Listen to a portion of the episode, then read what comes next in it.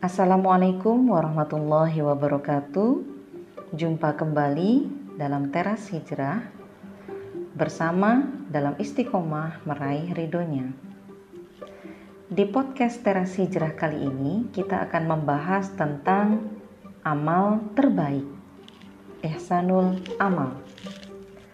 Amal yang kita lakukan akan diterima Allah jika memenuhi dua syarat.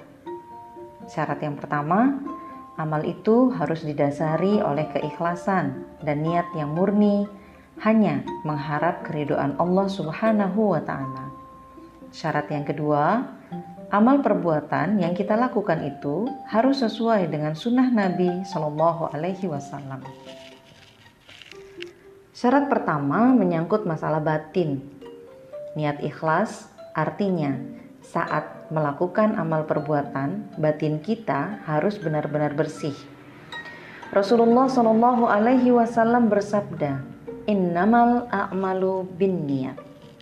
Sesungguhnya amal perbuatan itu tergantung niatnya. Hadis riwayat Bukhari dan Muslim. Berdasarkan hadis ini, maka diterima atau tidaknya suatu amal perbuatan yang kita lakukan oleh Allah Subhanahu wa taala sangat bergantung pada niat kita ketika melakukan perbuatan itu. Sedangkan syarat yang kedua harus sesuai dengan syariat Islam. Syarat ini menyangkut segi lahiriah. Nabi Shallallahu alaihi wasallam berkata, "Man amila amalan laisa alaihi amruna fahuwa raddun." Barang siapa yang mengerjakan suatu perbuatan yang tidak pernah kami perintahkan, maka perbuatan itu ditolak. Hadis riwayat Muslim. Tentang dua syarat tersebut, Allah Subhanahu wa taala menerangkannya di sejumlah ayat dalam Al-Qur'an. Di antaranya di dalam dua ayat. Ayat yang pertama, Quran surat Luqman yang ke-22. Dan barang siapa yang menyerahkan dirinya kepada Allah, sedang dia adalah orang yang berbuat kebaikan, maka sesungguhnya ia telah berpegang kepada buhul tali yang kokoh, dan hanya kepadanya lah dan hanya kepada Allah lah kesudahan segala urusan. Ayat yang kedua adalah Quran Surat An-Nisa ayat ke-125. Dan siapakah yang lebih baik agamanya daripada orang yang ikhlas menyerahkan dirinya kepada Allah, sedang dia pun mengerjakan kebaikan. Yang dimaksud dengan menyerahkan diri kepada Allah di dalam dua ayat tadi adalah mengikhlaskan niat dan amal perbuatan hanya karena Allah semata. Sedangkan yang dimaksud dengan mengerjakan kebaikan di dalam ayat itu ialah mengerjakan kebaikan dengan serius dan sesuai dengan sunnah Rasulullah Shallallahu Alaihi Wasallam. Fudail bin Iyad pernah memberi komentar tentang ayat yang kedua surat Al-Mulk. beluakum ayyukum ahsanu amala supaya Allah menguji kamu siapa di antara kamu yang lebih baik amalnya. Menurut Fudail, maksud yang lebih baik amalnya adalah amal yang didasari keikhlasan dan sesuai dengan sunnah Nabi Shallallahu Alaihi Wasallam. Seseorang bertanya kepada Fudail bin Iyad, apa yang dimaksud dengan amal yang ikhlas dan benar itu? Kemudian Fudail menjawab, Sesungguhnya amal yang dilandasi keikhlasan tetapi tidak benar, tidak diterima oleh Allah Subhanahu wa taala.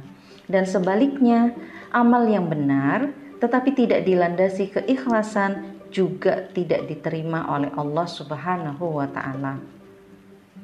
Amal perbuatan itu baru bisa diterima Allah jika didasari keikhlasan dan dilaksanakan dengan benar.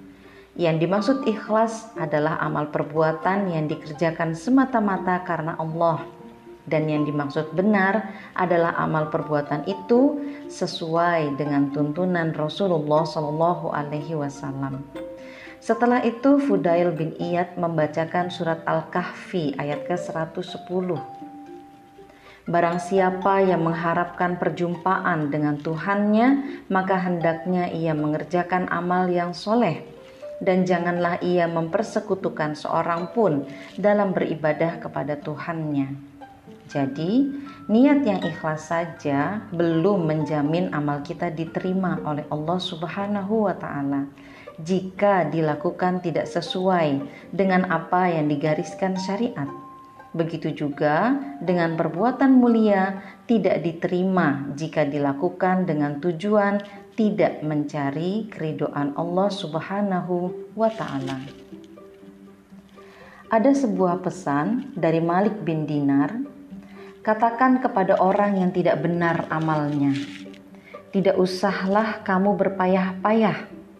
Pada suatu hari, Abu Umamah berjalan melewati seseorang yang tengah bersujud dengan serta-merta beliau katakan kepada orang itu, Alangkah indahnya kalau sujud itu engkau lakukan di rumahmu.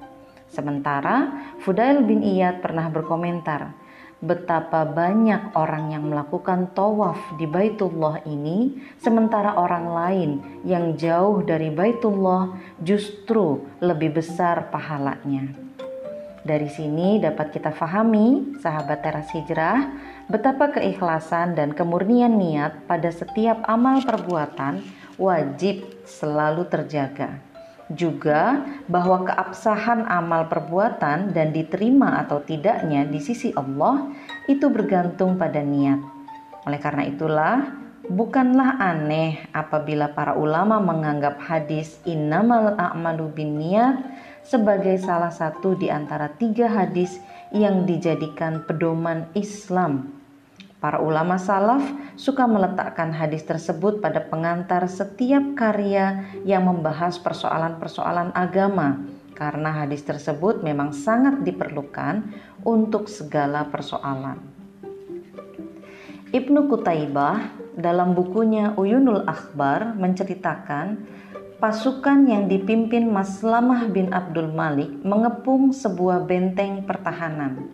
Pada dinding benteng itu terdapat sebuah lubang. Orang-orang saling berebut memasuki lubang tersebut, tetapi ternyata tidak seorang pun yang dapat melakukannya. Tiba-tiba muncullah seseorang, muncullah seseorang yang tidak dikenal dari tengah-tengah pasukan dan berhasil memasuki lubang tersebut sehingga atas izin Allah benteng itu dapat dikuasai oleh kaum muslimin. Setengah berteriak Maslamah memanggil, siapa tadi yang berhasil memasuki lubang? Namun tidak seorang pun menghampirinya. Maka Maslamah pun berseru, baiklah, aku telah memerintahkan pengawal untuk mengantarkannya kepadaku kapan saja ia datang. Tiba-tiba datanglah seseorang menghadap pengawal seraya berkata, "Izinkan aku menemui panglima." Pengawal itu bertanya, "Engkaukah orang yang berhasil memasuki lubang?" Orang itu menjawab, "Aku akan memberitahukannya." Segera sang pengawal melaporkannya kepada Panglima Maslama. Panglima pun mengizinkannya masuk. Kemudian orang itu berkata kepada Panglima Maslama, "Sesungguhnya orang yang memasuki lubang meminta kalian tiga hal. Hal pertama, janganlah kalian menyanjung-nyanjung namanya, yakni jangan kalian menyebut-nyebut namanya dalam surat kepada khalifah. Yang kedua, janganlah kalian memerintahkan siapa pun untuk memberinya hadiah. Dan yang ketiga, janganlah kalian menanyainya tentang asalnya, yakni dari kabilah mana. Mas Lamah berkata, Ya, aku kabulkan permintaannya. Dengan sekonyong-konyong orang itu berkata, Sayalah orangnya.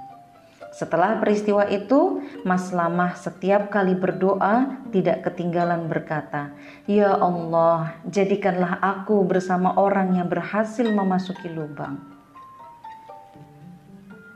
Di antara tanda ikhlas yang lain ialah tidak berani cepat memberi fatwa dan memutuskan suatu hukum.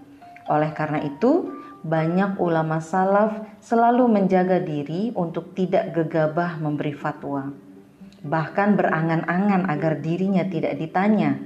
Abdurrahman bin Abi Laila menuturkan, aku telah bertemu dengan 120 sahabat Rasulullah Shallallahu Alaihi Wasallam yang jika salah seorang di antara mereka ditanya satu persoalan, maka sahabat itu melemparkannya kepada yang lain dan sahabat yang lain itu pun akan melemparkannya kepada yang lain lagi dan seterusnya sampai persoalan itu akhirnya kembali lagi kepada yang pertama.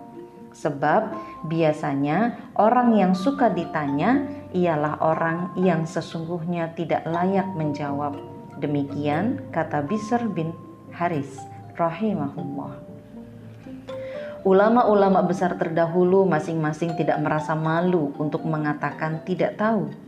Suatu hari kepada Asy-Sya'bi ditanyakan satu persoalan, tetapi ia menjawab, "Aku tidak tahu." Ada yang kemudian bertanya, "Apa Anda tidak malu menjawab tidak tahu?"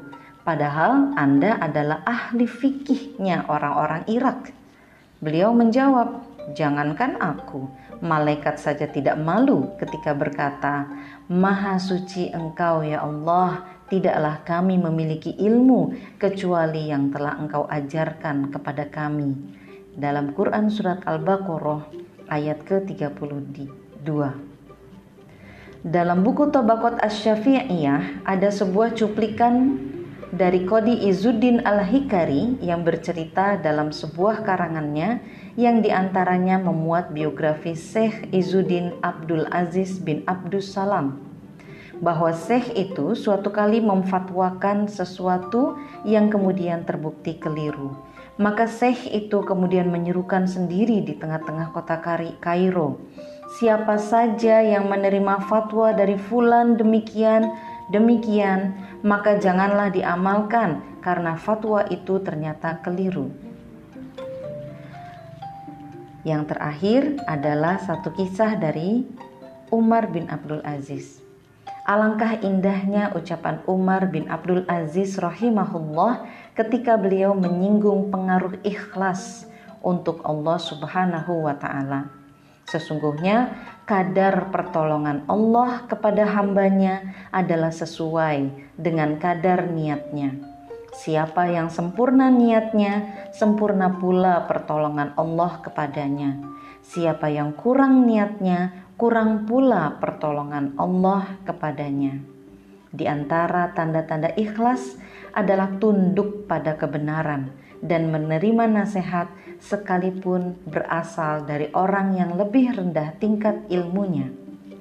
Ia akan lapang dada ketika ternyata kebenaran itu ada pada orang lain. Al-Hafiz Ibnu Hajar bercerita dalam bukunya Tanzibut Tahzib ketika menulis biografi Ubaidillah bin Hasan Al-Anbari, salah seorang yang terkemuka, ulama sekaligus kodi di kota Basrah. Salah seorang muridnya bernama Abdurrahman bin Mahdi menuturkan, pada waktu itu kami sedang mengurus jenazah. Ada yang bertanya kepada beliau, lalu beliau keliru menjawab. Maka aku katakan kepada beliau, "Semoga Allah meluruskan engkau." Jawaban itu seharusnya begini dan begini. Setelah diam sejenak, beliau berkata, "Kalau demikian, aku tarik kembali pendapatku dan aku menundukkan diri. Sungguh menjadi ekor dalam kebenaran bagiku lebih aku sukai daripada menjadi kepala dalam kebatilan. Sahabat teras hijrah, demikian pertemuan kita kali ini. Kita akan bertemu lagi dalam podcast teras hijrah yang lainnya. Bilahi taufiq wal hidayah. Assalamualaikum warahmatullahi wabarakatuh.